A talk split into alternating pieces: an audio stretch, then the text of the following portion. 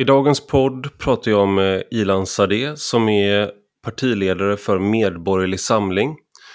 Vi pratar om Försvarsmaktens reklamkampanj med regnbågsflaggan. Vi pratar om varför man ska rösta på Medborgerlig Samling eller i alla fall varför Ilan Sade tycker att man bör göra det. Och mycket annat. Du lyssnar på Rak Höger med mig, Ivar Arpi.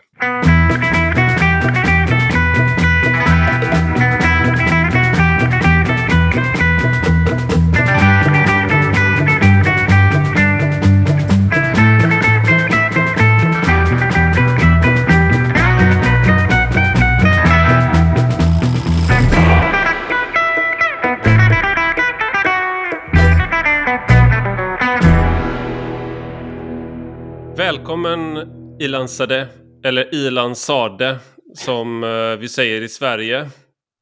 Tack, tack så mycket du. Ja, det finns ja, många varianter, du anar inte Ilan hur många det finns. Ja, precis. Jag, när jag bodde i Danmark så hette jag Edvard för att ingen dansk kunde uttala Ivar så det var bara att liksom, jag var jobbade på bemanningsföretag så jag bara Edvard, Säger det är fine. Det. För mig låter Ivar otroligt uh, urnordiskt. Det borde danskarna kunna. Iwa, Iwa. Jag vet inte vad det blir. Nej, Eva kallades jag också, men uh, det var av mina arabiska kollegor som tyckte varken Edvard eller Ivar funkade så bra. Så det var liksom, det var också mm. lite modernt och det leder lite in i det vi ska prata om idag. för du är inte bara partiledare för Medborgerlig Samling. Eh, utan du, nu har det varit den här reklamkampanjen för eh, Försvarsmakten där de lade upp liksom, första sidan på Svenska Dagbladet med regnbågsflagga och så var det fyra soldater i full stridsmundering och så stod det så här en, en, en flagga värd att försvara. Mm. Um, och du var en av dem, eh, jag ska komma in på att jag också har skrivit om det, men du var en av dem som kritiserade detta. Mm. Eh, och eh, det var egentligen två delar i det. Det ena var att myndigheter ska inte driva opinion, ska inte vara politiska, skrev du. Mm.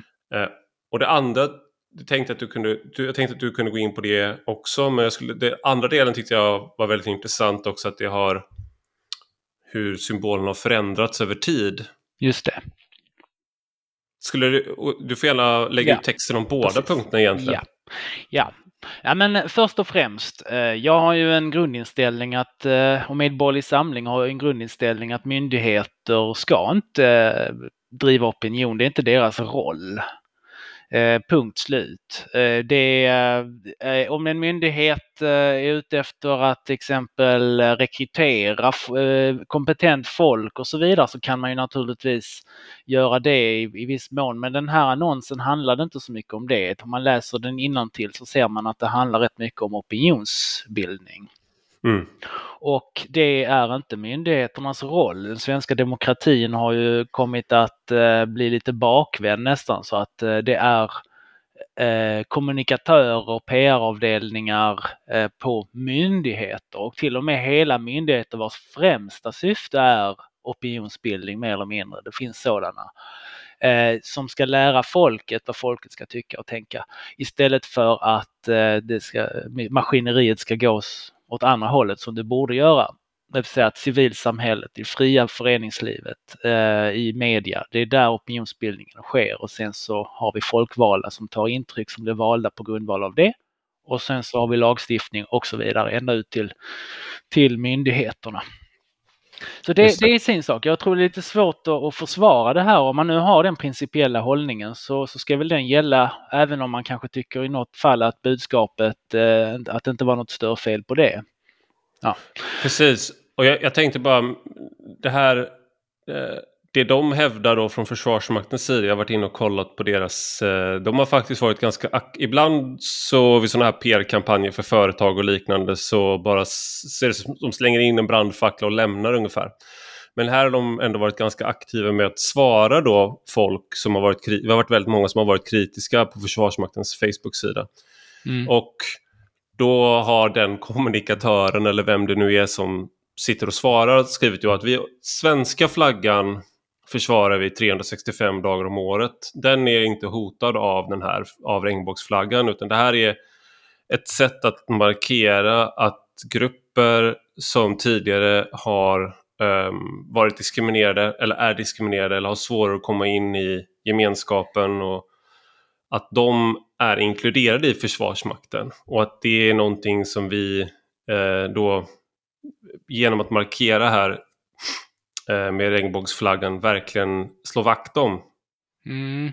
Men det är nog ingen som ifrågasätter att, eh, att Försvarsmakten skulle ha övergivit den svenska flaggan. Eh, utan det, det som jag tror att man måste börja tänka igenom lite i, bland myndigheter också. Alltså, har det någon betydelse? Alltså det har betydelse när man tar en symbol och sätter den på en, en, en flaggstång som i det här fallet och, eh, och eh, låter den här gruppen soldater gå efter den symbolen. Vad vill man ha sagt med det? Eh, är det då enbart, eller enbart och enbart, det är en viktig sak kanske, men att, att, att signalera att vi är en arbetsplats eh, och en, eh, för all del, folk som är värnpliktiga kanske inte alltid väljer. De har, det finns ju trots allt i grunden en pliktlagstiftning, även om den inte riktigt är satt i verket just nu. Eh, men, men det är klart att Försvarsmakten ska vara en en trygg plats för personer med, med sexuell läggning som inte tillhör mainstream och, och, och det här. Va? Det är jättebra. Mm. Och det kanske man kan man signalera eh, och historiskt har ju, har ju det självklart varit ett problem. Eh, har man en, en organisation som Försvarsmakten eh, där så många män har, har då varit skyldiga att göra tjänst Mm. Eh, och där det dessutom självklart är, finns en, en väldigt manlig jargong, manlig kultur. Eh, det är klart att, att det förekommit en hel del eh, mindre eh, trevliga bemötanden och skämt och eh, jargong kring eh, homosexuella.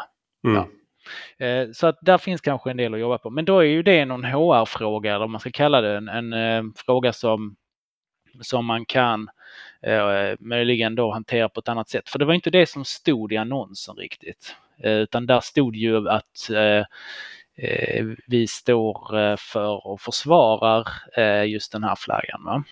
Ja, och vi försvarar mänskliga rättigheter, allas lika värde allas lika och värde, vår rätt att leva som vi väl, själva väljer. Detta jäckande begrepp, allas lika värde, som ju, som ju är när man väl analyserar det, är ju inte alls så himla oproblematiskt och som verkar vara ett kodord ibland för Eh, Eh, för eh, vänster och vänsterliberala att dänga i huvudet på eh, allt till höger om, om, eh, om Folkpartiet, eller på att säga, om, om Liberalerna heter de numera. Ja, och, och, det, det är no, och det är någonting som, eh, den signalen tycker, tycker jag tyvärr eh, går fram. Det är någonting jag ser och jag tror många andra ser det också.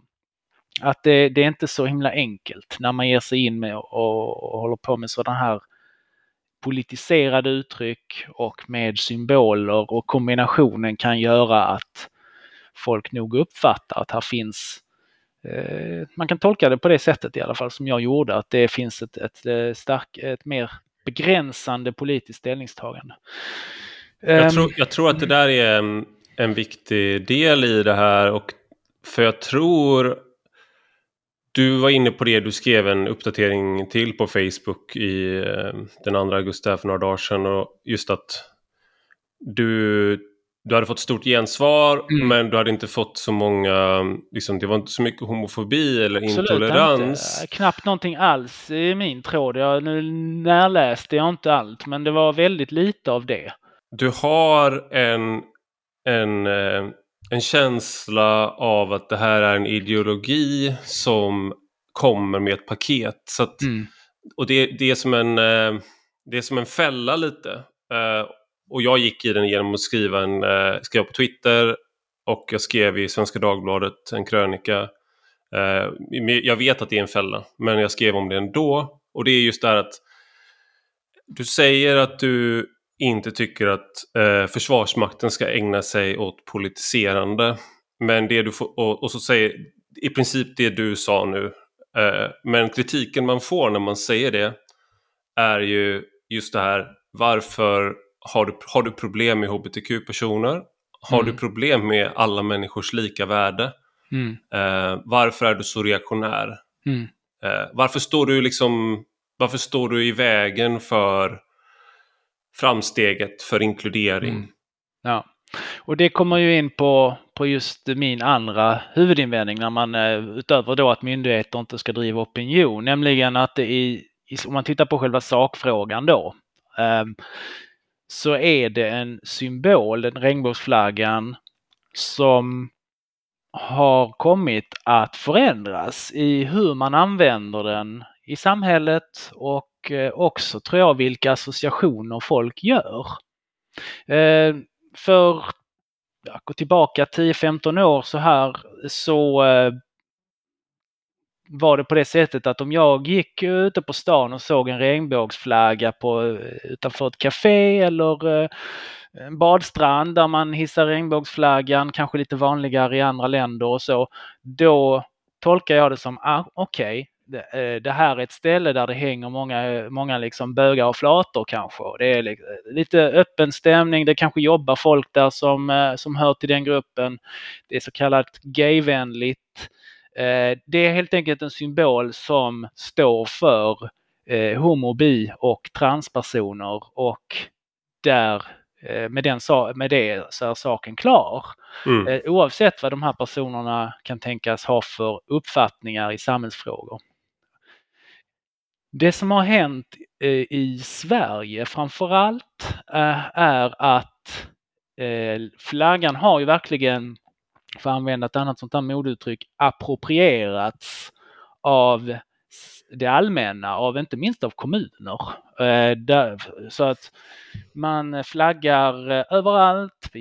Den dyker upp eh, på, på liksom förskolor, i badhus, i, i, längs hela Malmös badstrand här är, är nu flera månader tror jag har det varit regnbågsflaggor. Och det betyder ju liksom inte att hela Malmös badstrand nu är en gaystrand. Utan, Nej. Det, nej. Utan det betyder ju någonting annat, verkar Mm. det som. Och vad det här annat är. Eh, jag uppfattar ju att lite av det som Försvarsmakten då skrev i annonsen, nämligen någon form av lik, alla människors lika rätt och värde, eh, den typen av floskler eller begrepp. Eh, Om jag ska säga, något neutralt om det, om den där ordvändningen. Begrepp, Ja. den typen av Ja, det är en floskel. ja. eh, det har jag, det har jag diskuterat i andra sammanhang också att det, jag tycker inte det är egentligen en felöversättning. Det är, det är alla människors lika värdighet och att alla har rätt att bli betraktade, behandlade värdigt. Var ju egentligen eh, det som stod i ursprungstexten. Eh, och det finns en viss nyansskillnad där.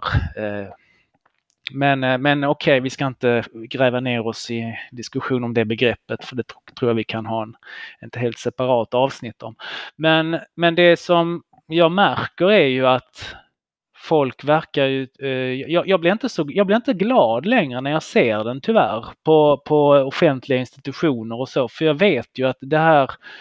Eh, det är liksom inte en markering av att ah, här jobbar det väldigt mycket homosexuella på det här kommunkontoret.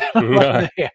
Utan det betyder någonting att de i all välvilja kanske vill, vill manifestera, givetvis ingår ju HBT-personer i paketet men även någonting annat. Mm. Eh, biblioteket till exempel, när, det, när man håller på där eh, och flaggar om det här, där är det ehm, där verkar det handla om att man har gått någon sån här certifiering. Mm. Så att man är, man är, man är numera HBTQ-certifierad. Just det. Det betyder väl inte att man har eh, liksom ställt fram Ian Foresters böcker lite extra långt eh, nära till hands eller vem det nu är, vilken författare det än må vara liksom. Utan det betyder tydligen då att man har gått kurs i hur man ska bemöta sådana som mig när jag ska gå och Mm. låna en bok. Och nu måste vi nästan säga, för nu har vi inte sagt det, men du är den enda öppet homosexuella partiledare eh, i Sverige, vad jag vet. I alla fall för något parti som jag känner till. Det är möjligt. Jag, jag vet inte hur det, om det finns Sen, några andra några med, med riktigt små partier eller så, men, men som kan ha med. Men det, det är så kanske det är. Mm. Och det är därför det blir lite intressant också för att när eh, Medborgerlig Samling, när ni ville gå i Stockholm Pride, eh, ni förbjöds att göra det. Mm. Så det blir ju också en väldigt ironiskt i det avseendet att eh, det, det, här har vi då en öppet homosexuell partiledare eh, men du och ditt parti, ni ska inte gå i Stockholm Pride. Mm. Vi, vi, hade, vi hade egentligen bara, eller bara, bara, men vi hade ambitionen att vara på utställningsområdet. Det är minsann inte gratis heller så vi skulle betala för oss och allt det. Så ha ett eh, tält där eh, och eh, fick nej då till slut därför att eh, det ansågs att jag hade skrivit eh, några saker 2016 i en krönika som inte gillades. Eh, mm. Och eh, det var liksom den officiella versionen. Eh, den inofficiella orsaken tror jag, eller snarare någon form av allmän misstro mot, mot en ny rörelse på högersidan som Medborgerlig Samling och att man på något sätt tycker att det, det, det är skumt och mysko och eh, och mm. helt enkelt vill markera eh, mot oss av den anledningen. Tror jag. Jag tror inte att de kan inte vara så dumma att de hänger upp sig på riktigt på, på de, några, några rader från 2016 som dessutom förvrängdes till och det grövsta. Nej, det var ni och Sverigedemokraterna och det, det ser ut som en tanke. Eh... Mm. Jo, Sverigedemokraterna blev ju så småningom en upplåst elefant på, eh, i den här famösa partiledardebatten. Just det. Eh, som hölls samma år. Eh, varvid eh, frågan ställdes till alla andra närvarande på scenen där om bland annat om de någonsin skulle kunna tänka sig att eh, ta i Sverigedemokraterna ens med tång och då viftade ju alla att de inte eh, med flagga som svar att de inte skulle kunna tänka sig att göra det. Mm. Eh, sen går det något år och så ja, vet vi att det där var ju inte så allvarligt menat.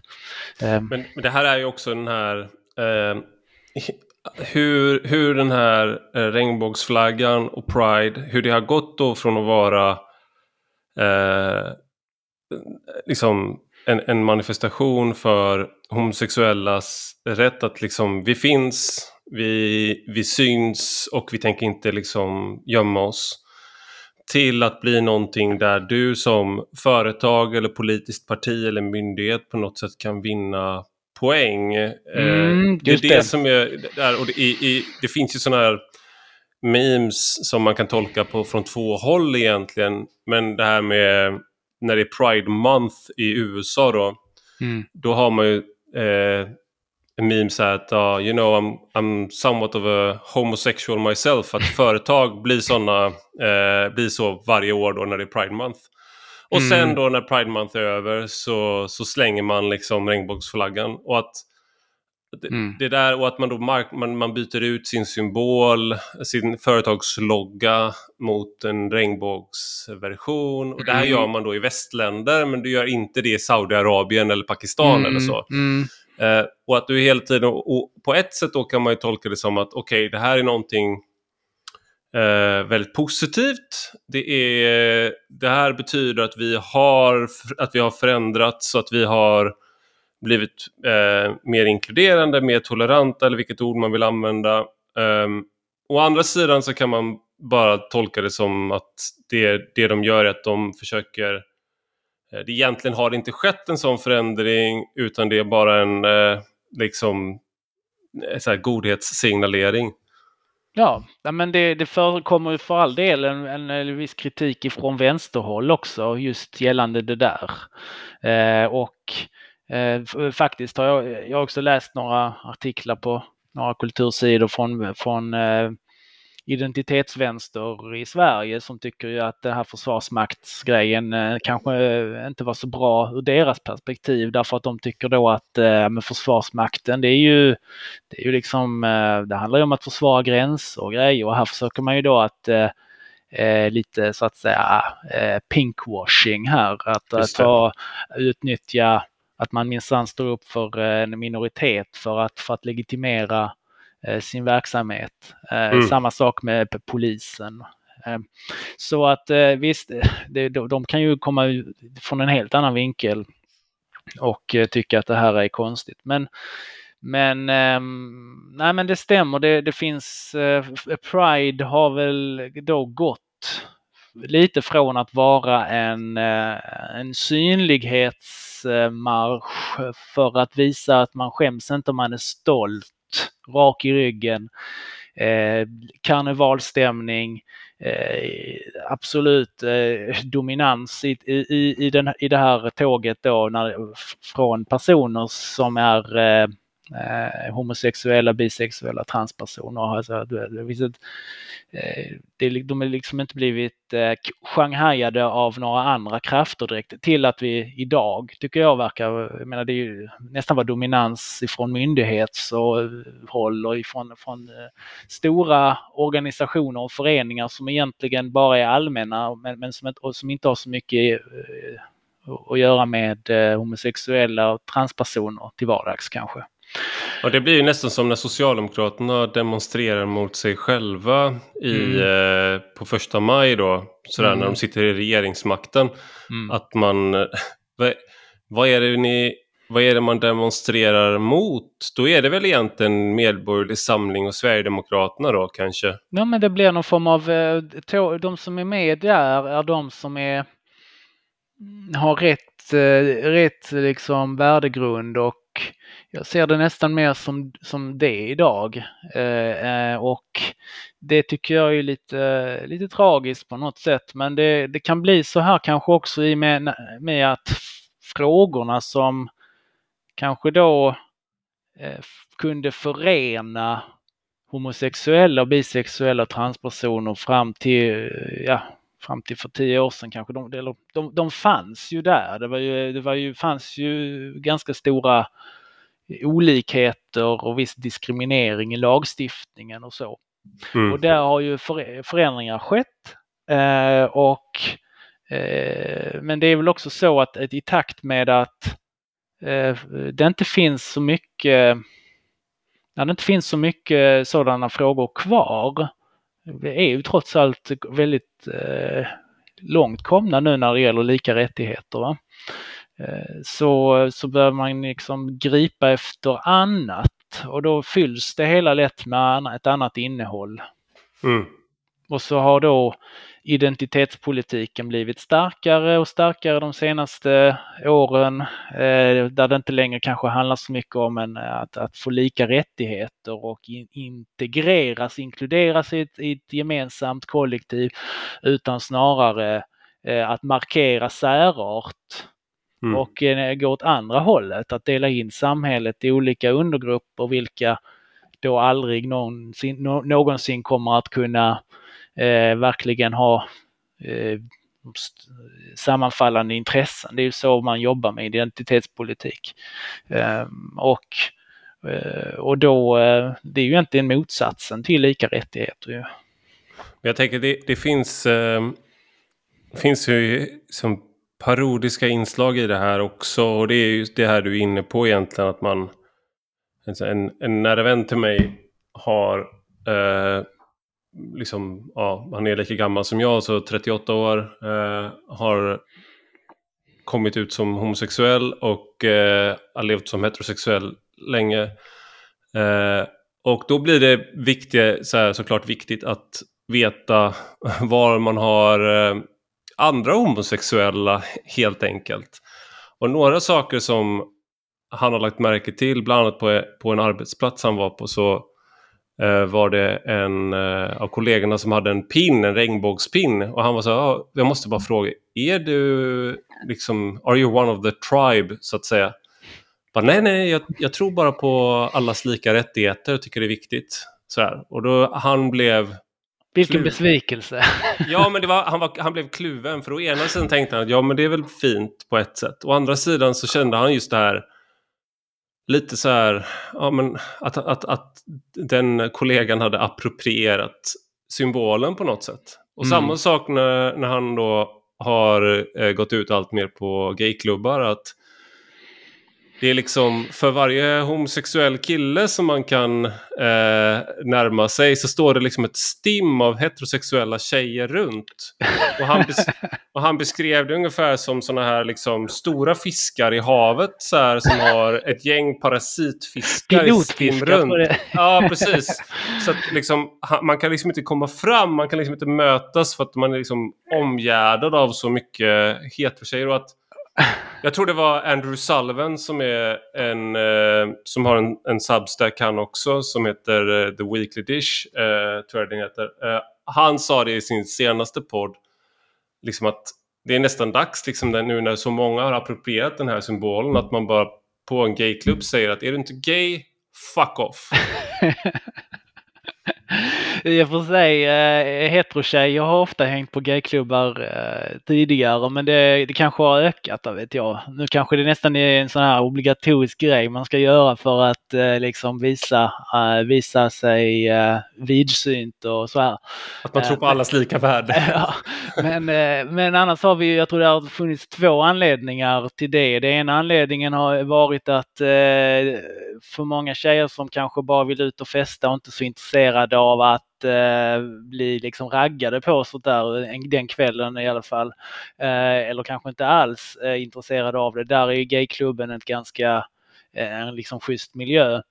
Uh, och det andra skälet kan vara att vi har ju den här klassikern att uh, bögen som, som uh, blir bästa vän med sin faghag, alltså ska vara en heterosexuell kvinna som som man kan spegla sig i liksom och mm. byta intressen och hålla på. Det, det, den, den stereotypen eh, finns ju eh, också, eller fanns i alla fall på den tiden och jag höll på att säga, när jag var ute och, och rumlade, då låter jag jättegammal men jag... ja. Uråldrig. Ja. ja. Eh, så att, eh, jag vet inte hur det är på, på bögklubbarna nu för tiden. Det var länge sedan nu. Eh, men eh, om det, om, eh, jag, skulle, jag skulle säkert märka mycket förändringar om jag var ute en sväng. Men det finns ju också en intressant... Eh, jag, har, jag har en väldigt eh, dåligt tvärsnitt av hbtq-rörelsen. jag känner i princip bara liksom H där och då män, alltså homosexuella män.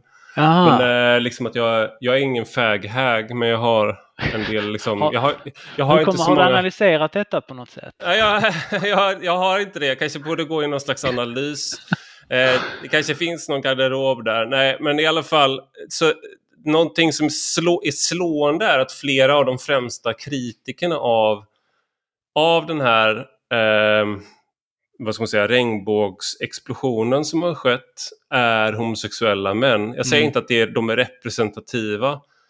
Men du har personer som Douglas Murray till exempel mm. som skrev mm. The Madness of Crowds som mm. är homosexuell. Mm. Eh, du har Andrew Sullivan mm. som också är en skarp kritiker av det här. Också homosexuell, eller själv, han är en uh, självidentifierad bear då.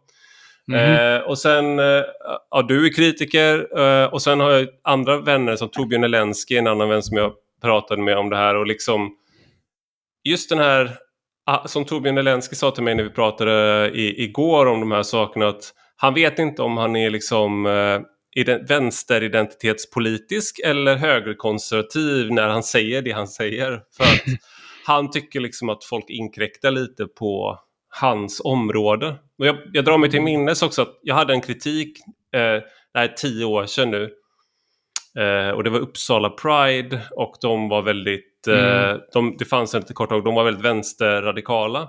Mm. Och jag kritiserade det på Twitter och sa i princip att ja, jag tycker att alla borde inkluderas och sånt där. Mm. Och då så svarade Johan Hilton som är, jag vet inte vad han var då, men nu är han på DN Kultur. Han sa att ja, du kan tycka det, men det är inte, det är inte för dig det finns. Och eh, vi, är, vi är liksom inte homosexuella för att heterosexuella ska kunna känna sig inkluderade. Mm. Och jag tycker att det är bra att det finns eh, utrymmen där man eh, där, som är separatistiska helt enkelt, som är våra utrymmen. Men eh, då var så här, min, min motkritik var att ja, det håller jag med om, men eh, här handlar det om politik. Ja, och det handlar ju också om att det handlar ju inte precis om att eh, dra sig liksom undan till något eh, enskilt rum utan det är ju att liksom gå på paradgatan. Det är ju det som är syftet med Pride lite, tänkte, tror jag. Att ja. eh, det skulle vara liksom en, en, en eh, lite av en inkluderingsakt, så att säga. Mm. Och sen också att det han pratade om var den vänster, att vara vänster och gay. Eh, Medan den separatismen och eh, som jag har eh, förstå som jag, även om ingen, ingen, behöver min förståelse så har jag en stor sympati, känner jag sympati för behovet av att eh, ha egna, egna rum när man är liksom mm. eh, homosexuell eller även, jag är också svängt vad gäller att det kan finnas behov för kvinnor eh, av olika skäl för det. Eh, men, men att det är en annan sak än just det här vi är inne på hur mm. att Pride och regnbågen på något sätt, att vara höger och bög är... Det, det kanske inte är en slump att det är där också det har uppkommit en... Mm. Från det, det hållet har kommit kritik. Ja, men det, det, är väl det. Dels kan det ha att göra med just att man, man känner att man liksom blir snart ihjälkramad och känner man, men sluta, lägg av bara. Det är liksom, ni, ni är inte kloka. Eh, och eh, samma ja, samma, samma typ av känslor tror jag också ibland, eh, jag menar den judiska minoriteten till exempel, eh, mm. kan få. Jag menar, eh, där man försöker liksom göra någon slags, eh, mm, ska man säga, eh, men, nästan utnyttja den historien för politiska syften och dra, dra liksom den eh, flera varv och, och, eh, och så här. Och, och till slut blir det absurda följder som till exempel, ja, men där är väl det här, eh, jag tror man ska manifestera, vänstern har börjat, började ett tag och fortsatt, har väl fortsatt med det att manifestera en massa på kristallnattens årsdag. Mm. Eh, men eh, vid ett sånt, eh, någon sån manifestation, jag tror det var i Umeå, eh, så, så liksom var det ju rena då anti-Israel-demonstrationer nästan. Liksom. och det, det blir liksom så här konstigt. Och Precis, vad är det vi gör här egentligen? ja. Eh, men sen har vi nog en annan aspekt också, apropå vilket också knyter an till det judiska lite. Men det är väl den här klassiska sketchen i Seinfeld om tandläkaren som konverterar till judendomen för att han ska kunna dra ju, judeskämt. Just det, skämtimmunitet. Ja, och det är samma, det är klart det är kanske lättare för personer eh, in the tribe att eh, gå ut och eh, kritisera det här mm. om det går för långt därför att eh, Eh, man kan åtminstone inte beskylla mig och Douglas Murray och andra kanske för, för att på något sätt vara homofober. Det eh. går, det går, men det, det kräver mer eh, ansträngning mm. i alla fall. Det är den här internaliserade homofobin det, man hör om ibland. Det. Ah, och det är det. som mots, motsvarigheten till ja. mm. falskt medvetande hos kvinnor då. Mm. Alltså det finns ju de här... Ja. ja. Uh, så kan det vara. Så att, eh, eh, men så det kanske är de två, men, men kanske framförallt eh, den första förklaringsmodellen att till slut så Eh, man känner liksom inte riktigt att att man, eh, att man vill bli så ihjälkramad och få en symbol som eh, tidigare tol kunde tolkas som ganska enkel och eh, eh, avgränsad symbol för, för, eh, för en sexuell läggning eller en, eh, för all del då, eh, köns, könsbyte eller könsidentitet. Om vi då mm. även tar in då trans i det. Eh, nu istället har blivit någonting annat för den har, den har kidnappats lite av, av etablissemanget. Just det. Men det är i alla fall, när det gäller Försvarsmakten så så tycker jag ju då att det blir ju lite eh, konstigt eller lite, det blir fel i, oavsett hur man ser på det. Är det då en symbol för eh, bara för då eh, HBT-personer? Eh, ja men då blir det ju lite konstigt därför att försvaret ska ju försvaras alla liksom och, och vara en, en, bra arbetsplats för alla. Ja. Eh, men är det en eh, är det en symbol som har mer långtgående eller annorlunda, mer abstrakta eh, betydelser, vilket ju Försvarsmakten verkar tycka när man skriver som man gör i den annonsen, då blir det också fel därför att då är vi inne på eh, att eh, driva eh, politik.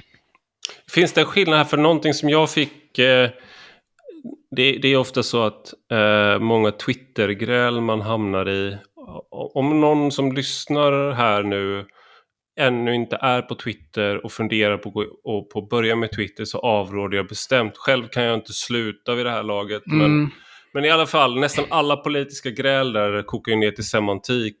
Mm. Eh, och jag skrev då en fråga. Kan man... Jag såg det. Ja, kan man vara för liksom, tolerans av hbtq-personer? Ja. Eller om jag skrev homosexuella, men ändå tycka att Försvarsmakten inte ja. borde ha regnbågsflaggan. Och så det fick du väl säga, i huvudet, ja. hur kan du skriva tolerans? Var det inte Exakt. Något sånt? Ja. Och, och, det, där, det här är, det finns ju en...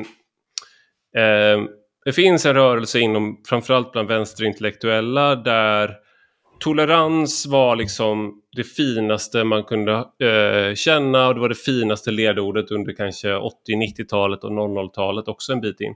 Och då kom det en rörelse då av att liksom det här ordet blev avpolitiserade liksom eh, stora delar, att man skulle tolerera så mycket och att man skulle att man skulle vara tolerant var det stora värdet och då har man ju gått vidare då till att använda andra ord, till exempel inkludering Mm. istället för tolerans. För att, en anledning är då att i toleransbegreppet menar man så ligger då att du kan ogilla någonting som du tolererar, men du kan inte inkludera mm. om du ogillar.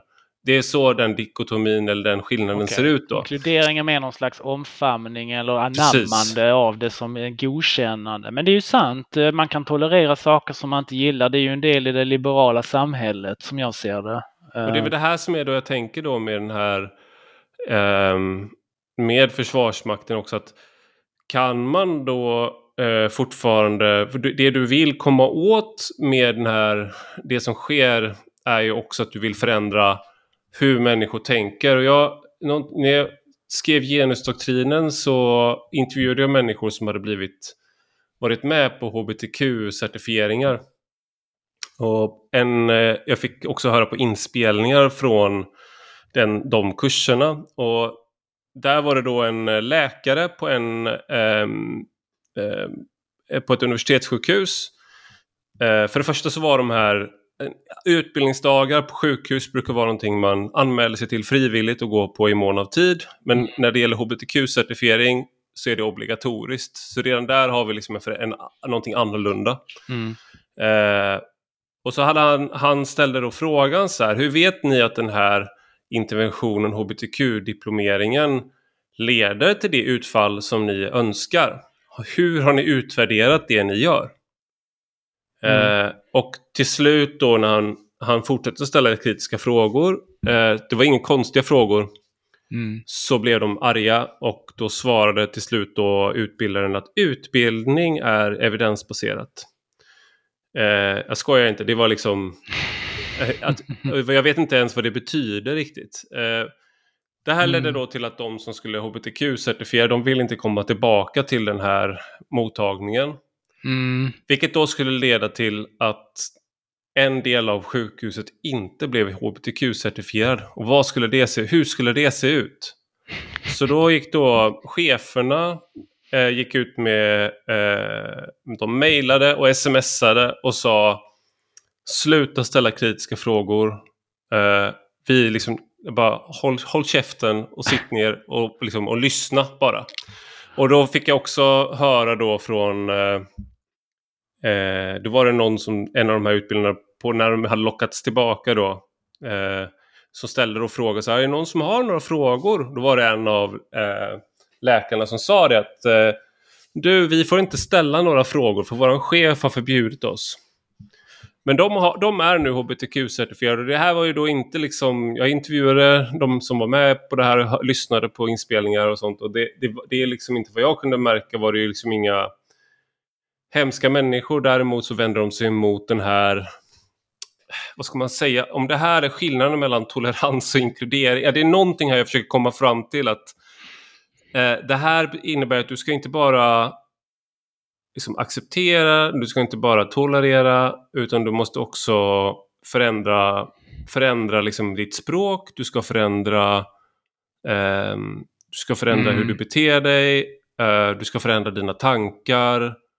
Och mm. pass, passar det inte så ja, du kommer inte hamna i fängelse. Men du kanske blir av med jobbet. Eller det kommer få obehagliga konsekvenser för dig. Mm. Nu har vi rört oss lite bort från Försvarsmakten, men jag tänker att det kan finnas en sån dimension, en sån skillnad här då, liksom, där du har rört dig då från tolerans kanske till Mm. eh, att du, du ska inte bara liksom acceptera eller Mm. tolerera utan du ska också eh, tänka rätt. Mm. Ja. Jo, eller egentligen då tolerans kan ju något mellanting kanske mellan tolerans och inkludering skulle kanske då vara någon form av eh, eh, alltså någon slags god uppförandekod och sådär. Eller det kanske ingår i Acceptans, toleransen. kanske? Acceptans. Eller att, att, att man, eh, eh, låt oss säga att, att eh, ja, eh, jag eh, har en arbetskamrat som är djupt troende i någon av de religionerna, vilken det än må vara, eh, och som personligen då eh, inte skulle acceptera exempelvis, eh, eller inte tycker att då ett äktenskap eh, mellan två av samma kön är ett riktigt eh, äktenskap och så. Mm. Men den personen kan ju uppföra sig eh, vänligt och korrekt och eh, på alla sätt och vis eh, till och med bli en god vän. Mm. Eh, utan att för den sakens skull kanske bli övertygad om att ett äktenskap eh, eh, måste, eh, att, att, att det ska vara med, och kan vara mellan eh, personer av samma kön. Mm. Så att det, det går ju, och sen så givetvis det underlättar ju om man har en värdegemenskap också. Tittar man på vad som har hänt i Sverige och i många andra europeiska länder och USA och så, så har det ju skett ett väldigt värderingsskifte när det gäller just synen på, på homosexuella. Mm. Eh, helt klart och det är ju, det är ju naturligtvis eh, välkommet. Men när det då går till språket, men så är det ju, eh, där, kommer ju då den här postmoderna synen på språket som verklighetsskapande in i bilden och att eh, och för, kryddat då med med eh, föreställningar om att vissa ord är tabu, eh, att vissa, att orden i sig kan vara eh, nästan hädelser. Det kommer ju från ett slags kristet arv. Mm. Eh, Det är ju en, Sverige är ju i grunden ett eh, väldigt eh, lutheranskt land, även om lutheranismen har övergivits i stor del. Precis, Så men är- finns det formerna finns kvar. Formerna, tankemönstren eh, finns där. Eh, de försvinner inte så himla lätt och en, kanske kan man se det som en nackdel med att man har- eh, har gett upp så mycket av religionen är att mycket av det förs över på politiken. Mm. Och så säger man då ett felaktigt ord som var helt korrekt för två år sedan eh, men som nu är eh, en hädelse mer eller mindre. Mm. Eh, Så, så får man sådana där reaktioner då. Det finns ju så här, det finns ju sådana absurda eh, liksom saker även, även på engelskan till exempel att kalla folk för colored. Mm. Det är rasistiskt. Men att kalla dem för pe- person of color Mm. eller Mm. people of color. Det är, Mm. är, det är bra. Ja, ja, det, finns liksom, det finns otroligt många sådana här Ja. konstiga eh, vinklingar Ja. i de här grejerna. Men ja, ja, en- en, en sak jag tänkte här är också med eh, hur eh, min vän som jag pratade om, han kom ut till eh, sin mamma och hon reagerade knappt. Så han blev stött. Alltså han, han blev inte så stött att det blev bråk mellan dem, men han sa det till mig sen att liksom Mm. tror folk att det bara... Alltså det är nästan liksom... Det är, det är en stor grej liksom, kan man Ja. inte ens få det? Ja. Men, eh, alltså, men eh, det var... Eh, hans mamma reagerade så här, för han sa liksom, mamma kan vi ta en promenad så här, Ja. och hälsa på. Liksom. Jag, jag, han var- han var där med sina barn och sådär. Så bara, men, eh, jag behöver berätta en sak liksom. Och, så hon blev bara så "Usch, jag trodde du liksom att du, du hade, att du hade, att det var någonting jätte, att det var, Att det var något allvarligt. Att det var något allvarligt, ja. Ja. Och det är, på ett sätt är det positivt att vi är där. På ett annat sätt så finns det ju kanske någonting som har gått förlorat också. Men du, Mm. in, nu, innan jag släpper dig, för nu har vi pratat ganska länge, så Mm. vill jag...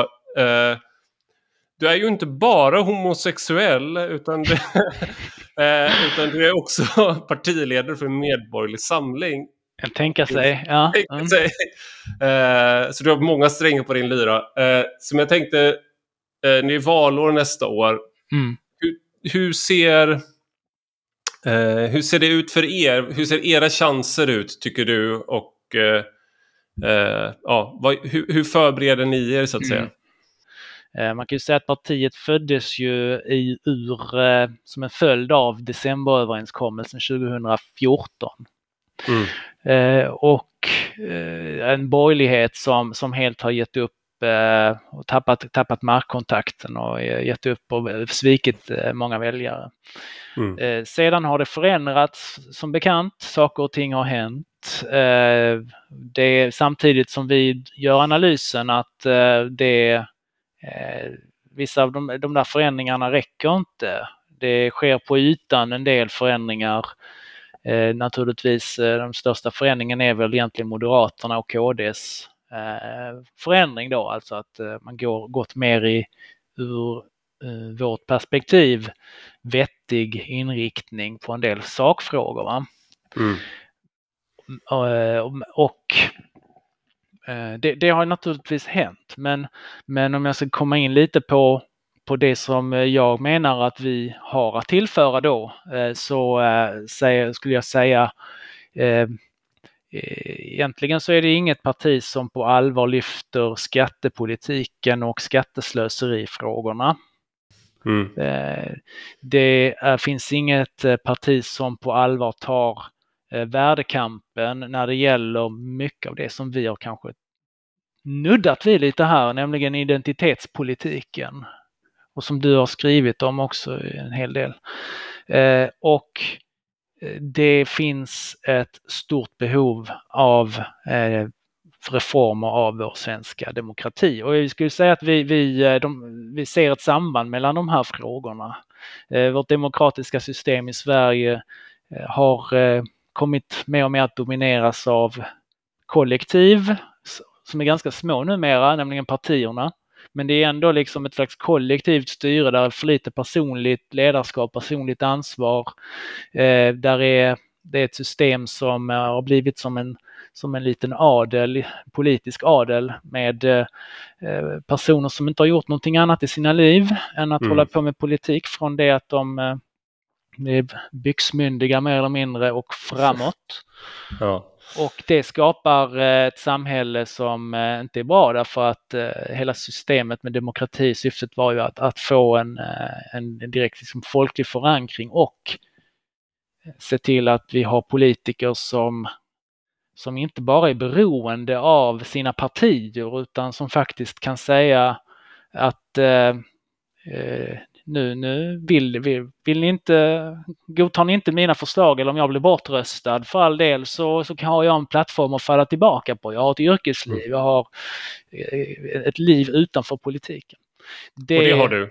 Det har jag till exempel. Eh, ja. Det är jag väldigt nöjd med att jag har skaffat mig. Jag, eh, jag, jag kan ju säga att jag har faktiskt i forntiden varit en sån här ungdomsförbundare i, i Centerpartiets ungdomsförbund Mm. Eh, och i studentförbundet också. Eh, och eh, kom väl så småningom att glida lite ifrån Centerpartiet, eller snarare Centerpartiet som gled ifrån mig en del och var nästan på väg att kunna bli en sån här politisk tjänsteman. Jag fick frågan om jag skulle jobba på riksdagskansli och sådär. När var det här? Det var um, hyfsat länge sedan eller? Ja, eller från, från, från mitten av 90-talet fram till jag var studentförbundets ordförande fram till 2006. Och sen mm. hade jag en roll som miljönämndsordförande i Lunds kommun eh, i tre år därefter. Eh, mm. Så att jag avslutade lite kan man säga med, med det uppdraget. För det är intressant, för just Centerpartiet har ju eh, förflyttat sig mer än något annat parti i, mm. eh, om man kollar på sådana här eh, fyrfältare som statsvetare älskar. Där, liksom, från där man både har vänster, höger och galtan då.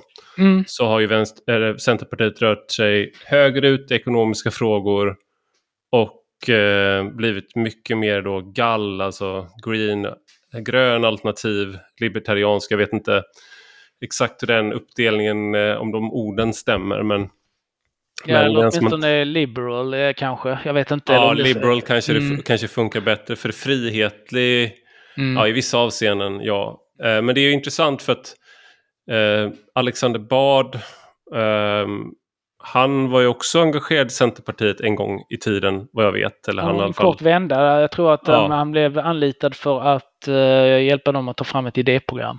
Precis, och det, och det Um, och sen var han med Medborgerlig Samling, hoppade av, gick med igen. Nu vet jag inte om han är med jo då, fortfarande. Jo då, ja. det är han. Mm.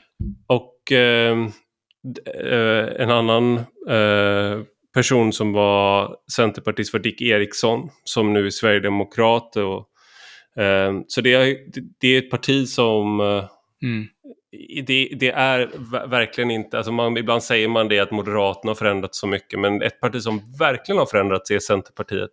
Ja, men det, det, det och man byter eh, väljare nu lite, eller byter ut sina väljare mot en annan typ av väljare. Det ser man i, i det var någon mätning som, som publicerades för någon månad sedan där man kunde se hur partiers väljare svarar på, på en sån här klassisk eh, borgerlig socialismfråga så här. Om man, tror man att det är företagsamhet som skapar välstånd för Sverige, skapat det svenska välståndet eh, i första hand. Eller jag tror det var typ så här företagande och export och något sånt där stod det. Mm. Och sen så, eller tror man att det är eh, politikerna genom att man har infört ett, välfärd, ett statligt välfärdssystem. Mm. Och, och, där är det jättestora skillnader på hur eh, vänsterväljare och högerväljare svarar. Mm. Eh, men det som stack ut var att eh, Centerpartiet, detta eh, klassiska småföretagare och småbrukarparti som det en gång har varit, eh, där hade det hänt någonting nu. Där mm. var en, eh, det stack ut. Det var typ nästan 40 procent har jag för mig av väljarna som, som nu, nu sympatiserar med Centerpartiet menar att det är välfärdssystem som politiker har eh, byggt upp som skapar välståndet. Va? Alltså jag undrar hur bekväm Ayn Rand-läsaren Annie Lööf mm. är med det. Alltså det, det blir ju så märkligt för att fortfarande väldigt många av dem... Det, det här är ju en sån där sak som eh, där de här vad man kallar för realignment där partier förändras och liksom till det nya politiska läget.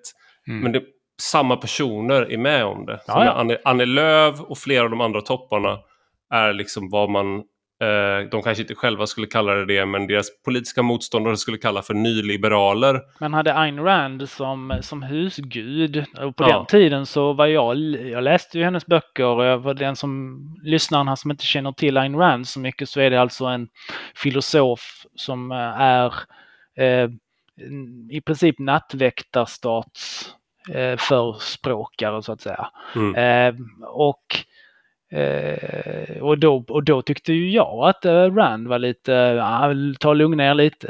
Eh, så ja. Det finns ju en del i hennes tankegods som kanske inte riktigt eh, stämmer med verklighet och så. Här. Hon är ju lite fanatisk. Va? Eh, men men då, då var de helt sålda på Ayn Rand. Ja. Uh, och jag kan ju bara gissa vad Ayn Rand skulle tycka om Centerpartiets nuvarande politiska vägval. Va? en sak som Ayn Rand eh, som ibland kanske försvunnit men det är i eh, eh, eh Atlas Shrugged eh, så tar hon ju väldigt hård strid mot dem som korrumperar, liksom mm. som söker, alltså som är rent seekers så att säga, som, mm. som blir liksom... Eh... Dödköttet som suger Exakt. ut eh, de produktiva människorna i hennes värld då.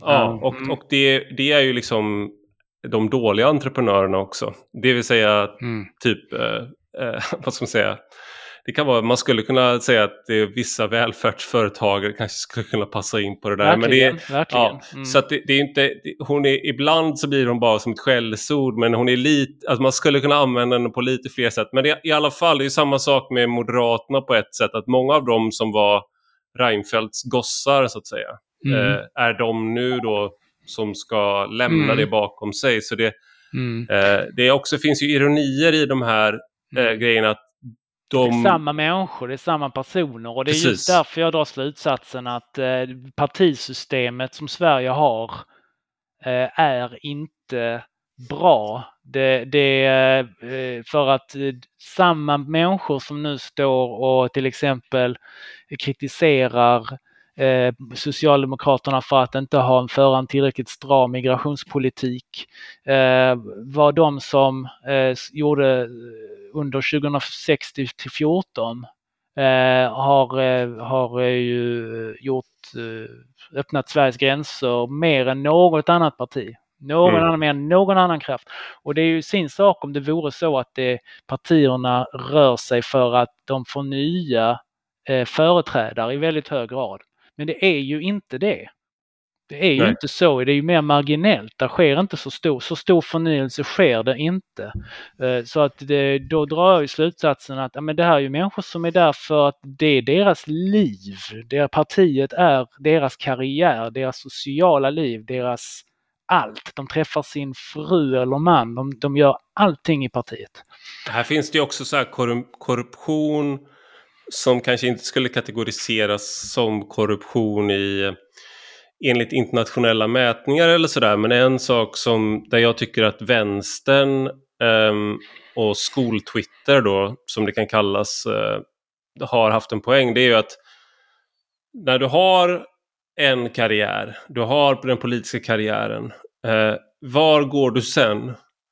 Jo, du går till välfärdsföretag och liknande där mm. det finns tidigare politiker. Så först skapar du systemet med friskolor och välfärdsföretag. Sen så blir du anställd för att arbeta och få skyhöga löner för det där. Och det är samma människor Mm. Som rent, de sitter, de känner, alla känner varandra. De sitter mm. på eh, PR-byråerna. Intresseorganisationer, just det. Jag tog upp det i en ja. annan podd också att jag tycker att både vänstern och borger, den, den etablerade borgerligheten i Sverige har detta. Socialdemokratin är ju en klass för sig förstås med, med hela ett helt liksom eh, ekosystem av, eh, av organisationer och, och så som där, där man efter kan hoppa runt. Va? Eh, men man ska inte faktiskt, eh, man ska inte heller eh, glömma att eh, borgerlig, den etablerade borgerligheten har också skapat sig en hel del sådana platser där man kan liksom Kakburkar som man kan gå till sen när man ska lämna politiken. Ja, det finns så många sen människor. hoppa in i politiken igen om man nu skulle ja. bli, om det skulle gå dåligt i valet så att man inte frivilligt lämnar riksdagen. Ja men då har vi ju kanske då Eh, PR-byråer som får uppdrag från sina politiska kompisar som betalar med skattepengar, intresseorganisationer mm. av olika slag. Friskolor. Friskolor ja. kanske. Eh, man gjorde ju en friskolereform som eh, nog inte, den var ju liksom inte, den var inte riktigt genomtänkt, inte fullgången. Man, eh, man, pengarna går med eleverna men, men däremot så till exempel är ju då Eh, betygssättning och rättning och sånt där är ju inte eh, det blir ju liksom inte kontrollerat Nej. Eh, statligt så att du skapar någon form av betygsinflationsincitament till exempel. Överhuvudtaget så finns det ju ett problem och där, där kan jag för sig hålla med dig och Anna Dahlberg en del i att det finns en naivitet kanske ifrån en, en den etablerade borgerligheten när det gäller eh, sådana här eh, liksom, eh, hybridlösningar. Att man tror att bara man inför någon form av peng av något slag eh, mm. som går till, till, eh, till den så, så, löser man problemet. Grejen är att skolan och, och eh, i viss mån äldreomsorg och, och hemtjänst och så, det är ju men framförallt skolan är ju inte, eh, kan ju aldrig riktigt bli en sådan marknad därför att eh, när kunderna inom citationstecken eh, inte själva betalar mm. och kanske inte heller har verktygen alla, gånger att, att, att liksom stå upp för rätt, sin, sin rätt och kvaliteten och så här så, så, är det inte, så blir inte systemet, man, man tar bort en del av det som gör att marknader fungerar. Mm. Eh, du kan inte betala lite mer för att få någonting av lite högre kvalitet. Skolpengen är liksom fast. Mm. Så att vad skolorna i, i dagens system kan eh, tjänar på är ju naturligtvis att skära en del i kostnader. De kan ju liksom inte säga att men vi, här kostar det lite mer men då får du detta och detta. Och det blir ju en, en eh, det, det, skapar naturligtvis ett, ett visst problem så att Ja, det är inte en marknad men det är någonting annat. Och sen, det är någon det, slags hybrid. Mm.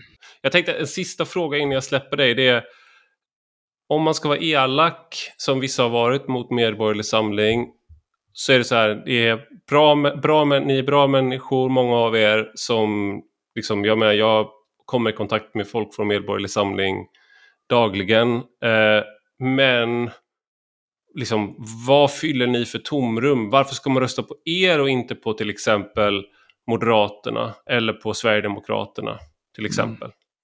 Jag tror jag la ut texten lite om det innan här. Alltså det är de här eh, framförallt de här tre sakområdena som jag nämnde där ett av dem kanske är, det vill säga reformer inom det demokratiska systemet. Vi vill ta bort partistöd, vi vill eh, ta och eh, stärka personvalet, vi vill eh, vi, vi, borde kanske till och med pröva på eh, att ha direktval av borgmästare i kommunerna, mm. eh, bryta upp partikartellerna. Där där finns det, den, den frågan har både, det, det, finns både ett politiskt innehåll men också är det så att det, det svenska demokratiska systemet i sig behöver få in nya krafter eh, på den eh, borgerliga sidan för att eh, eh, för att helt enkelt driva den här typen av politik. De gamla partierna är för insyltade. De kommer aldrig att kunna eh, förändra det systemet.